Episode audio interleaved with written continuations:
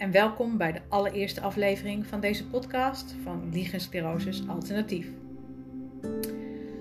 Best spannend zo, zo'n eerste aflevering. Ehm, ik heb heel veel te vertellen, maar dat wil ik uitsmeren over een heleboel afleveringen. Dus ik moet ervoor waken dat ik niet te veel in één aflevering wil stoppen. Ik wil met jullie eigenlijk vandaag even beginnen, de allereerste aflevering, over waar het begint bij de allereerste verschijnselen van liegensclerosis. Bij de een begint dat met wat pijn, bij de ander met wat jeuk. Voor mij, als ik spreek voor mezelf, kan ik de allereerste keer dat ik uh, de jeukopvlamming kreeg nog heel goed herinneren. Ik weet waar ik was, ik weet hoe oud ik was. Omdat het een jeuk is die niet voelt als een muggenbult of als een gewoon even krab op je rug. Het is een jeuk die ik nog niet eerder heb meegemaakt. En vandaar dat ik dus ook nog weet waar ik was en waar de jeuk ontstond. Er is niet zo heel veel bekend over liegensclerose. Ze weten ook nog niet of het een auto-immuunziekte is of uh, waar de huidziekte aan uh, vandaan komt. Of, of, het is niet te genezen. Het is een chronische ziekte. Um, het probleem bij liegensclerosis is voornamelijk de schaamte. Het zit uh, in je genitaliën, bij je genitaliën en dat maakt het lastig dat je er niet over praat of moeilijk over praat. De schaamte is groot. Uh, ik spreek over labia en niet over schaamlippen, omdat ik dus het woordje schaam eraf wil hebben. En je, je bespreekt het dus niet zo makkelijk met uh, je buurvrouw of, uh, en het is niet zichtbaar. Dat maakt het dat als je niet over je ziekte kan praten, je al snel je eenzaam gaat voelen. Als je dan besluit om, wat ik, wat ik wel eens hoor van lotgenoten, is dat als ze toch besluiten om er met vrienden of vriendinnen over te praten, dat er nogal wisselend op gereageerd wordt. Er zijn zelfs reacties als, als Jackie en vies en, en neus ophalen en waar heb je dat opgelopen. En dat zijn allemaal uh, dingen die je niet wil horen als je je hart uitstort. Als je al je moed bij elkaar verzameld hebt. En hebt besloten om te delen wat jou eigenlijk dag en nacht bezighoudt. En dan, dan hoop je op begrip en op compassie en uh, een arm om je heen of uh, een begripvol woord. Dan voelt zo'n zo'n neus ophalen of een, een vreemde blik voelt als een afwijzing.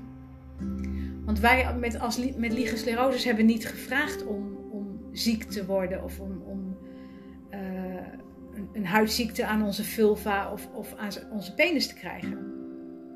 Dat is ook iets wat ons overkomt. En daar moeten wij mee dealen.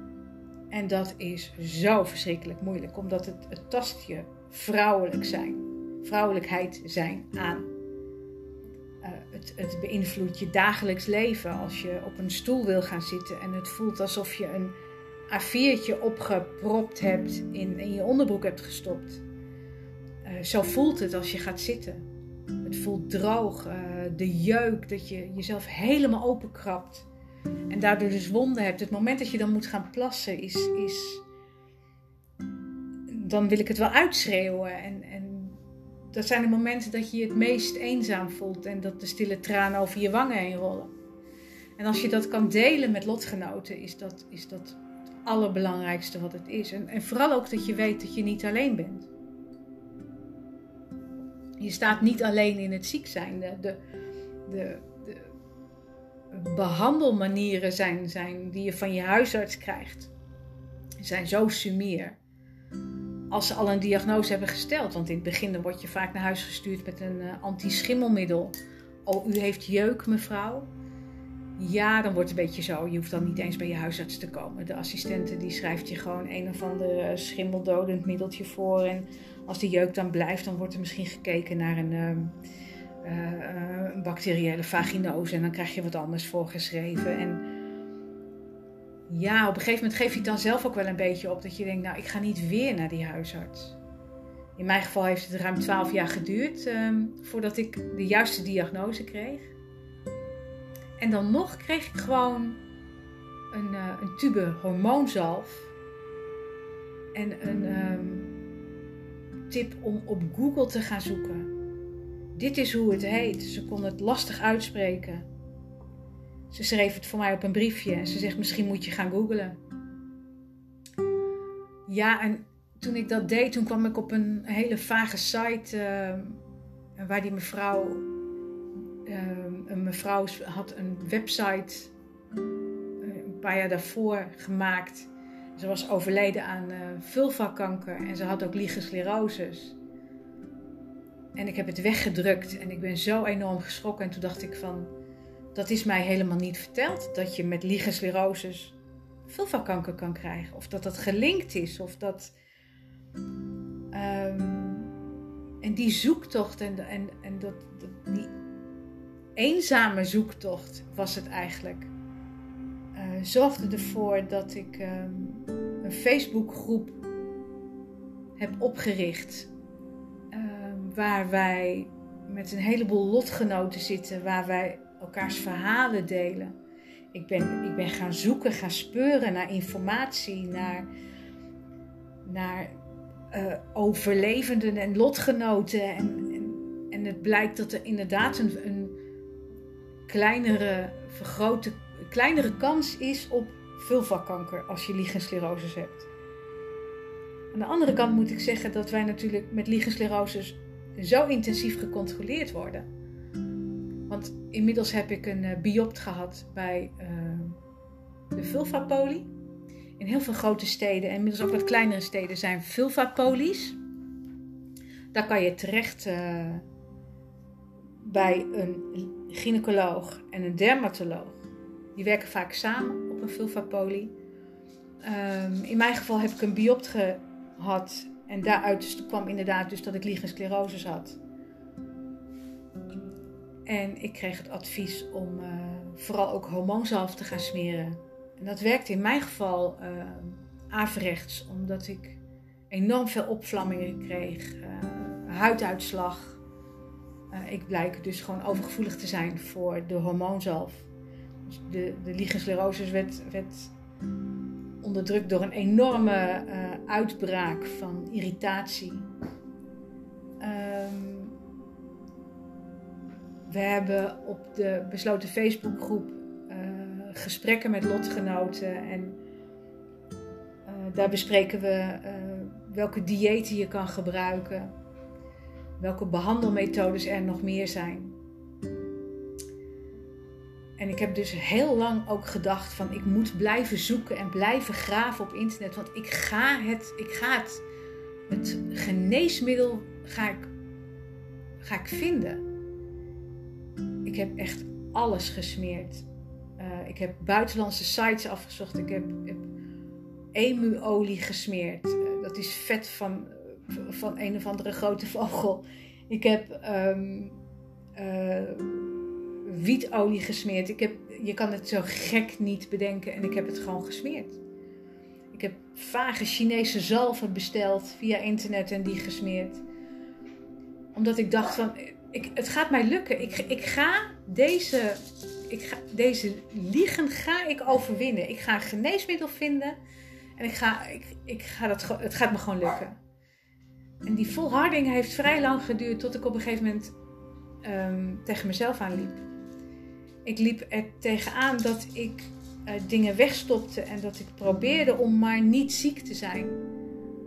Maar het, het dagelijkse leven werd zo beïnvloed door de lichensclerosis. Het, zitten, het, niet kunnen fietsen, het zwemmen uh, wat niet meer gaat. Uh, als je iets, een verkeerde beweging maakt, dan scheur je uit met uh, alle gevolgen van dien. de verdovende zalf was mijn beste vriend. Die had ik altijd en overal bij me, want als ik weer uitscheurde, dan wist ik niet hoe snel ik het moest verdoven. De vette zalf had ik ook altijd bij me. Die ruïneerde mijn kleding, die ruïneerde de bekleding van de auto, mijn bank. Het was echt drama. En ik bleef er tegen vechten. Tot ik op een gegeven moment op een punt kwam dat ik dacht: uh, ik moet het accepteren. Ik moet accepteren dat ik deze huidziekte heb. Er kwamen inmiddels uh, andere auto-immuunproblemen om de hoek heen kijken. Dat schijnt tussen aanhalingstekens normaal te zijn dat het dus de lichensclerose vaak gelinkt is aan, um, dat kan aan bijvoorbeeld uh, een schildklierziekte, Hashimoto, uh, aan lupus, aan, aan reuma, dus aan verschillende auto-immuunziektes kan het gerelateerd zijn, gelinkt zijn. Um, inmiddels heb ik er zes, maar om terug te komen op de, de lichensclerose, ik, ik ik stopte het weg en ik merkte aan mezelf dat dat niet uh, de juiste insteek was. Inmiddels um, uh, hoort het bij mij.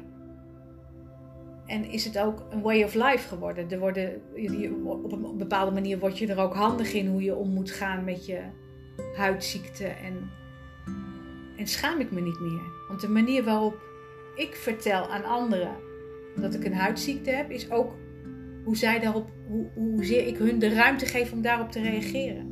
Dus als ik zelf al zeg maar twijfelachtig erover praat, dan geef ik hun ruimte om vreemd te reageren. Met andere woorden, hoe normaler ik erover doe, hoe normaler het eigenlijk gevonden wordt door de mensen om me heen. En het is eigenlijk ook heel normaal. Het is, het is een ziekte, zoals het um, bijvoorbeeld psoriasis een ziekte is, of zoals um, nou ja, ik weet even zo snel niet. Maar ik bedoel, je kan je been breken en dan kan je zeggen van ja, nou ja, iedereen ziet dat je gips uh, om je been heeft. En uh, die zorgt voor alle kanten. Dus, en dan vertel je van, nou, ik heb mijn been gebroken. Dus op die manier zouden we dus eigenlijk ook met onze huidziekte lichensclerosis om moeten gaan. En ik weet dat het best lastig is, maar ik heb voor mezelf gemerkt, het moment dat ik dat ging doen, dat ik dus ging, gewoon ging zeggen, ik heb een huidziekte, lichensclerosis. En het zit voornamelijk op mijn genitaliën. Klaar.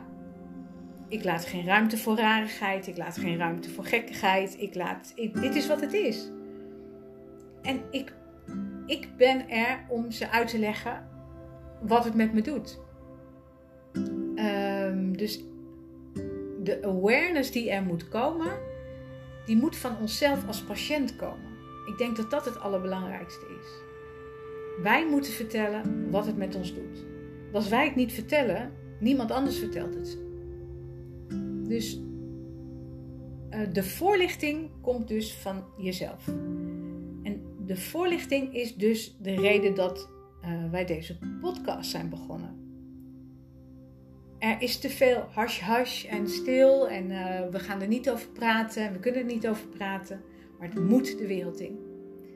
Dus vandaar deze podcast. We gaan dus uh, met verschillende gasten ook um, gesprekken aan. Uh, dat doen we met een aantal vrijwilligers van onze Facebookgroep. Um, meld je daar vooral aan als je mee wilt praten, als je liegen hebt. Bij ons zijn alleen lotgenoten welkom. Dus geen artsen, geen familieleden of verzorgers. Bij ons zijn het puur de lotgenoten. Want alleen een lotgenoot weet wat je voelt en wat je doormaakt. En we hebben ook een Instagram pagina waar je van harte welkom bent en waar we updates uh, delen. Daarnaast hebben we een YouTube kanaal. Dat heet Labia TV. Ehm, daarin delen we voornamelijk video's, filmpjes over uh, bijvoorbeeld een introitusplastiek. Dus dat de ingang van je vagina wat groter wordt gemaakt. De laserbehandelingen delen we. En dus de podcast. Um, ik wil hem afronden. Ik wil jullie heel erg bedanken voor de tijd. Het is een kwartier. Ik heb een kwartier volgekletst over lichensclerosis. Het zal de volgende keer vast veel makkelijker gaan. Uh, hartstikke bedankt voor jullie aandacht en tijd. En heel graag tot de volgende keer. Tot dan.